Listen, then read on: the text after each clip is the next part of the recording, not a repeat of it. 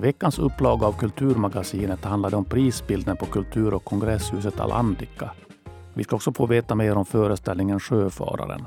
Jag heter Thomas Tornefjell och vi börjar med att prata om kultur och kongresshuset Alandica. Många kulturutövare är besvikna på de höga hyrorna för stora scenen och auditoriet. Att hyra stora scenen kostar 2800 euro per dag. Hyran för auditoriet ligger på 1200 euro och i dessa priser ingår viss teknisk utrustning. För den som ska sätta upp en större produktion krävs det som regel att man hyr in extra utrustning för ljud och ljus.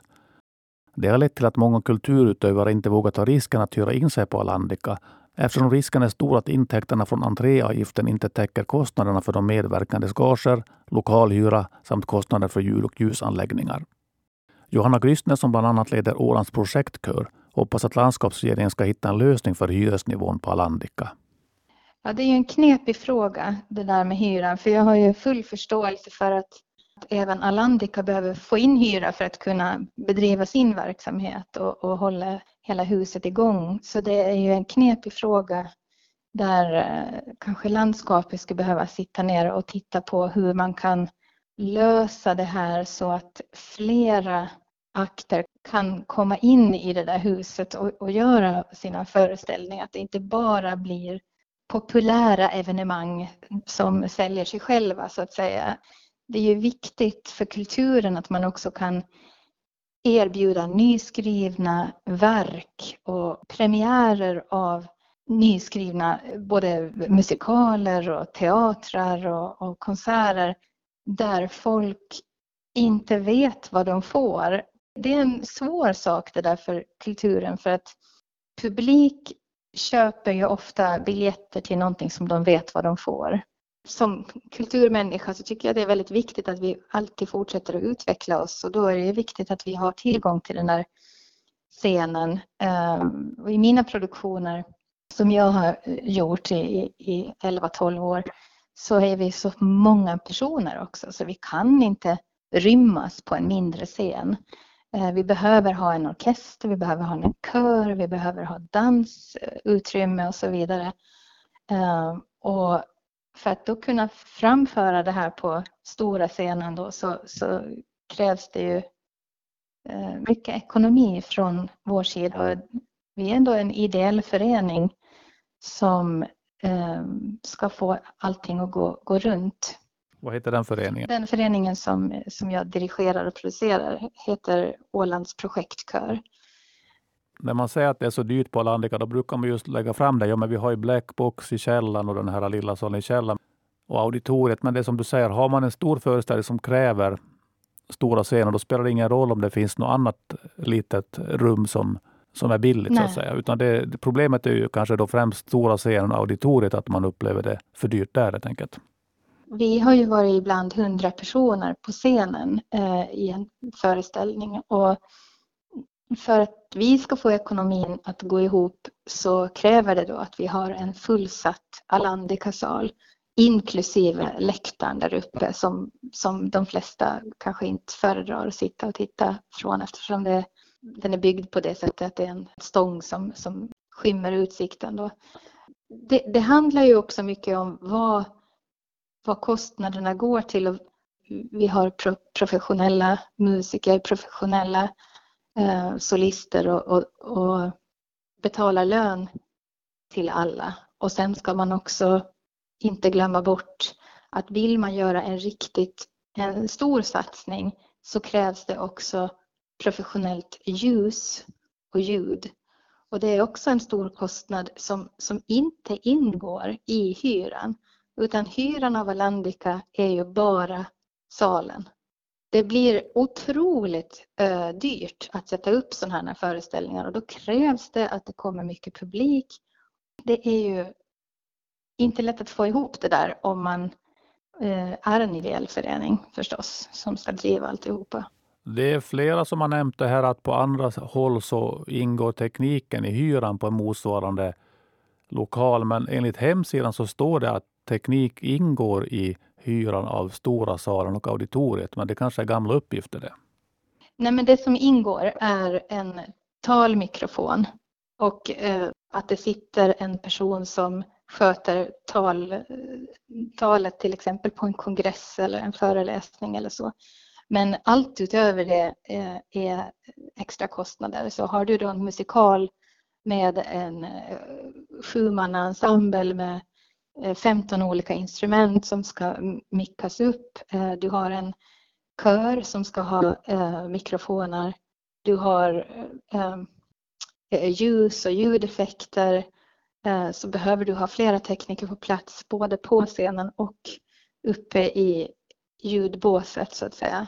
Och det, det ingår inte i hyran, nej det gör det inte.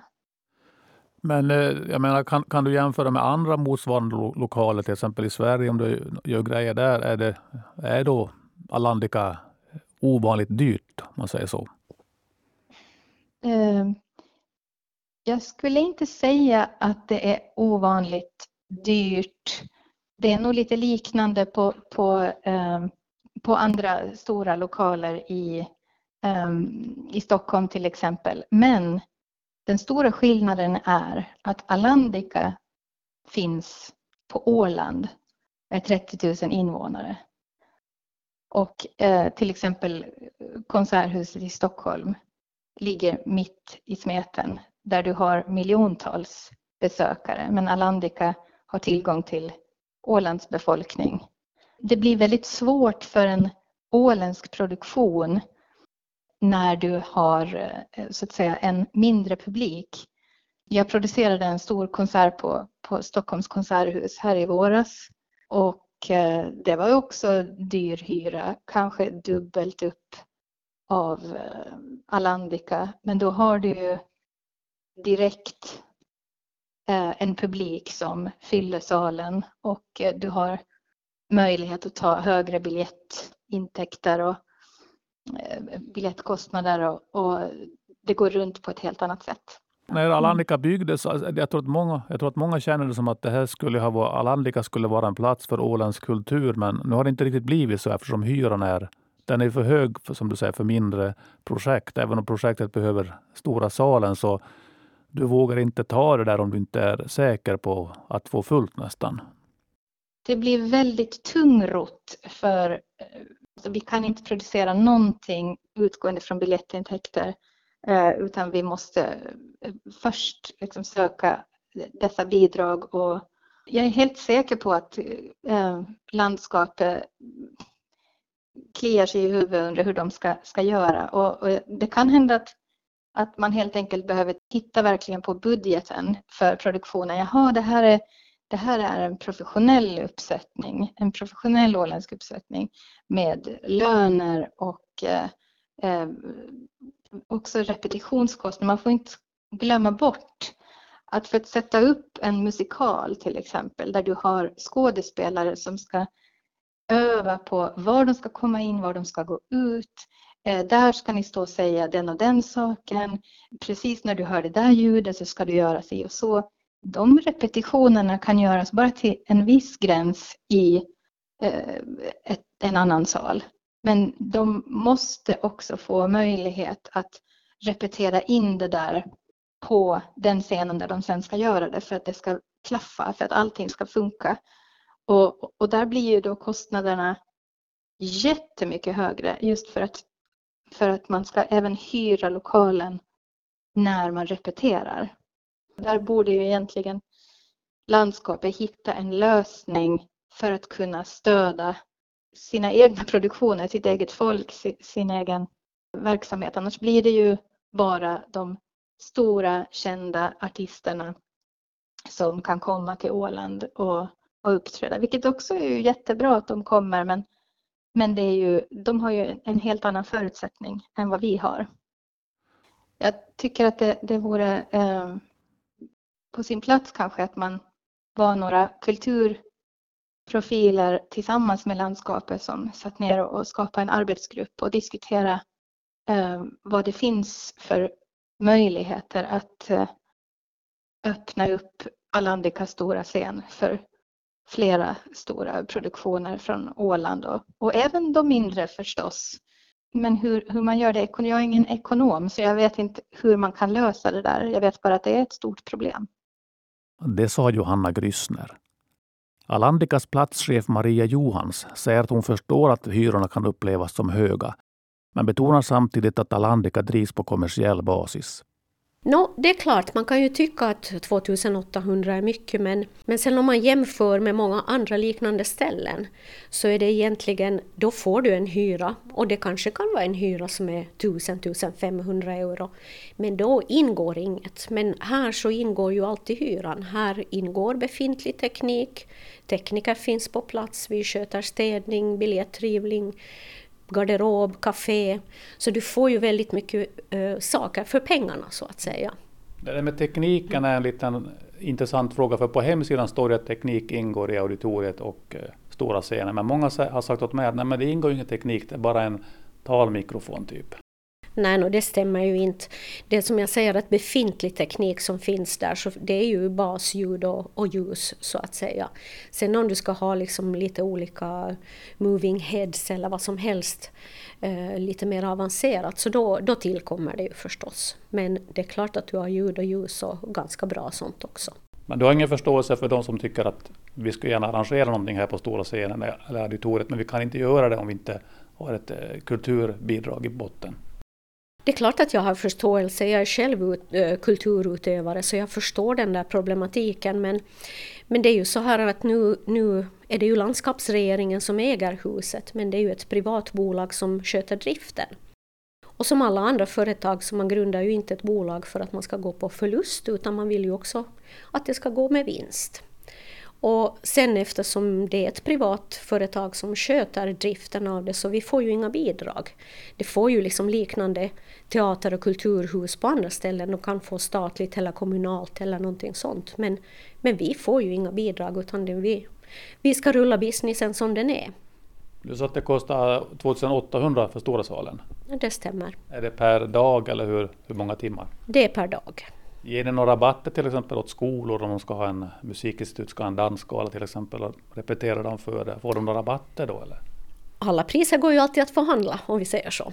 Vad skulle krävas då för att man skulle få någon slags lösning på det här? Är det landskapsregeringen som måste bestämma att hyran ska ner eller? Eller erbjuda olika hyror för amatörer och proffs och så här? Ja, den frågan vågar jag inte svara på. Det, det är ju andra som måste svara på den frågan. Nu är det ju som jag säger, jag menar vi driver en verksamhet och den måste vi ju få att gå runt. Sen finns det ju som teatersalen och musiksalen så, så det stipulerades ju från första stund när, när Alandika öppnades att där finns ju billigare hyror. Där kan du ju hyra en lokal för en 65 euro per dag. Men då ska det dit en scen och det får man betala och då måste man ha dit ljud som man får betala själv. Så är det. Där är det bara utrymmet du betalar för. Men det är ju inte så stora extra kostnader sista slutligen. Men problemet som finns nu är ju att till exempel Havsandar sa att folk har bett oss ha en föreställning till. Men då ska vi måste ha två föreställningar utsålda hus på samma dag för att ha råd med kostnaderna. Där hyran förstås är en, en stor del. Vad mm. tycker du om det? Ja, vad kan jag säga? Jag, jag måste ju ta betalt för de tjänster vi utför. Vi, vi lever tyvärr inte av välgörenhet vi heller, så vi måste ju ta betalt för det vi gör. Men hur är det med hyran då för auditoriet, vad ligger den på då? 1200. Och foajén? Det går på en tusenlapp. Någonting mer du vill säga till de som tycker att det är synd att det är så dyrt att hyra in sig här? Du kanske behöver stora scener men du vågar inte ta chansen för att du vill inte stå där med att betala för att spela. No, det är klart att jag skulle jättegärna se att alla har en möjlighet att, att verka här men det finns ju de facto en massa bidrag som man kan söka från olika fonder och, och från kulturdelegationen och sånt här. Och det är det ju många som gör. Och då har man ju möjlighet att vara här på Alandica och, och göra någonting. Men det är klart, har man inte mycket pengar så då måste man kanske se sig om och, och ta ett billigare ställe i så fall. Det finns ju fantastiska ungdomslokaler på Åland som, som gapar ganska tomma för tillfället. Det sa Alandikas platschef Maria Johans. Utbildnings och kulturminister Annika Hambrud säger att landskapsregeringens nuvarande avtal med Alandika skrevs 2006 och gäller till 2028. Enligt Fastighetsverkets VD Stefan Rumander betalar Alandika en hyra till landskapsregeringen på 37 957,80 per år exklusive moms. Nu ska vi prata om den audiovisuella föreställningen Sjöfararen. I onsdags gavs två föreställningar av den audiovisuella konserten Sjöfararen på Bio Savoy. Premiär på verket som innefattar både film och levande musik var det i början av juli. Men eftersom de föreställningarna snabbt blev utsålda så valde man att ha två extra föreställningar. Så här säger Sandra Lundberg om Sjöfararen. Det låter ju kanske lite suspekt, det kände jag själv när jag första gången läste audiovisuell konsert. Men så tänkte jag också, att det låter också lite spännande.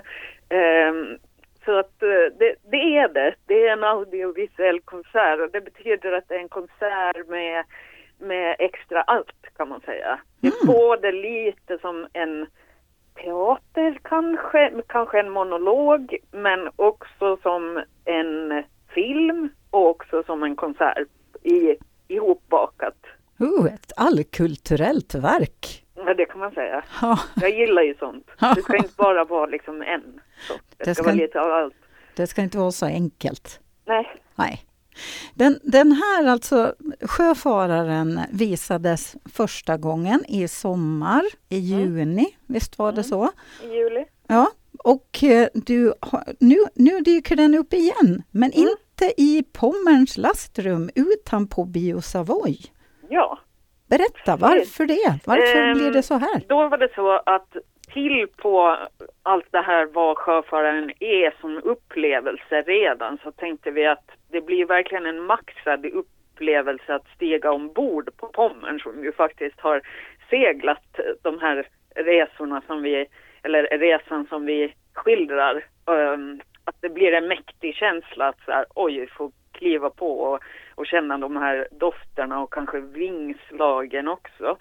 Eh, och det var jättehäftigt att få göra dem och det var jätteuppskattat och vi hade, det var hundra personer som kunde komma och alla tre föreställningar var fullbokade. Så det var, det var toppen, verkligen häftig upplevelse.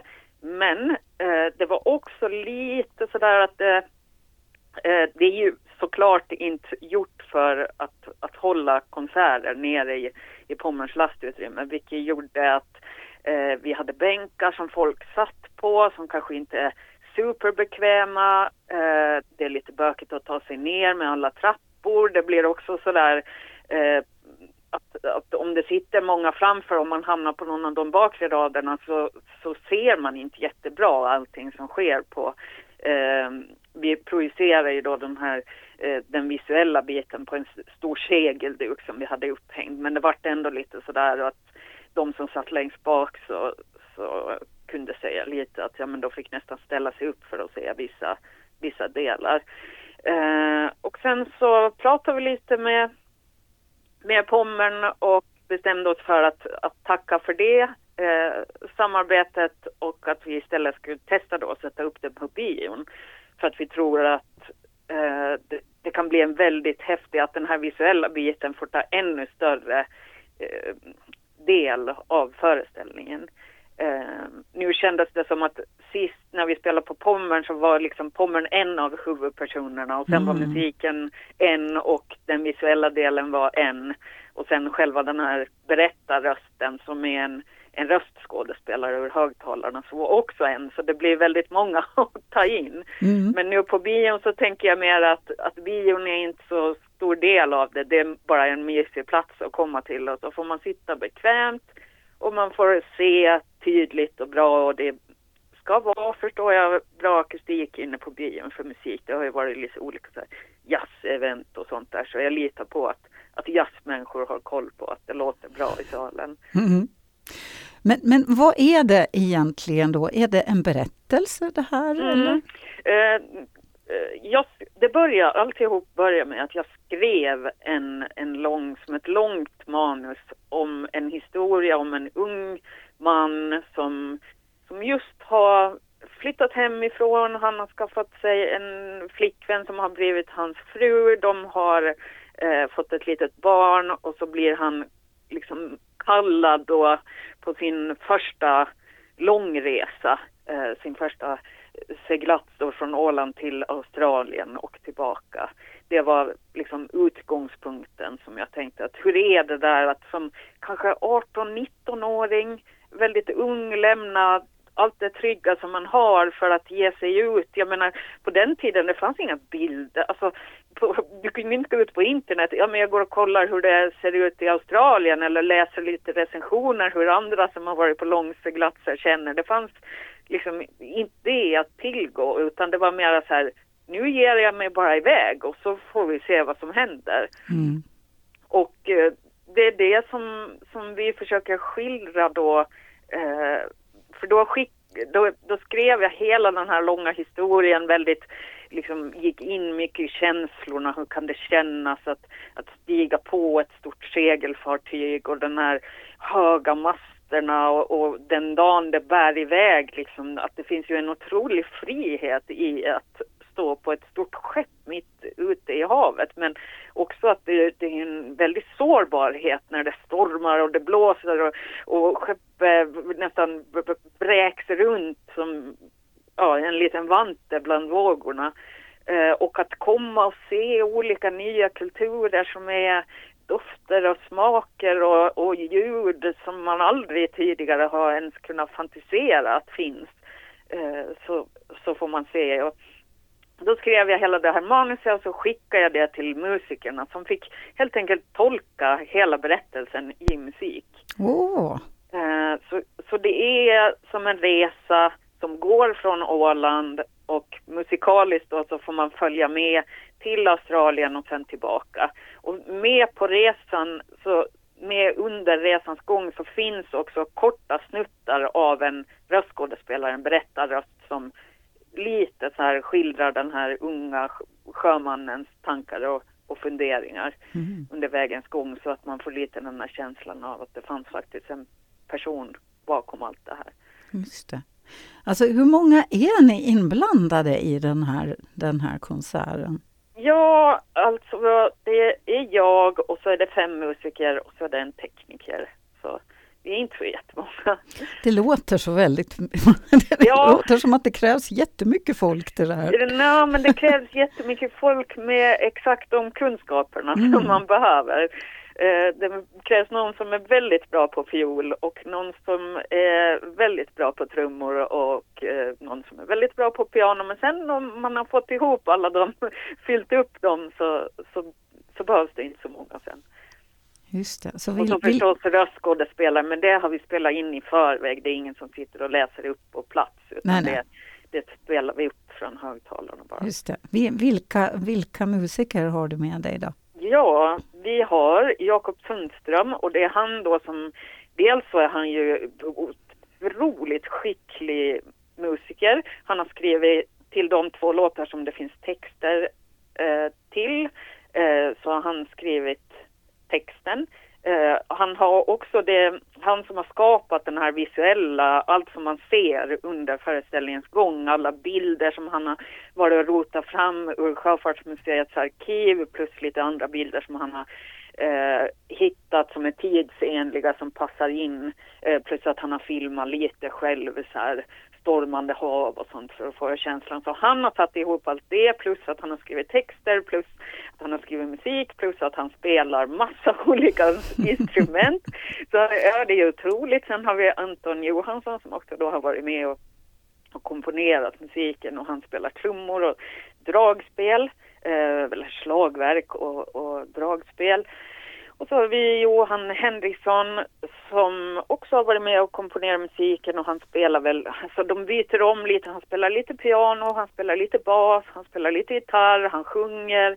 Eh, och så är det Kasper Lindroth som också har varit med och skrivit musiken och han spelar piano främst. Och sen har vi också utifrån plockat in Saida Pontin som, som står för stråket och hon spelar fiol.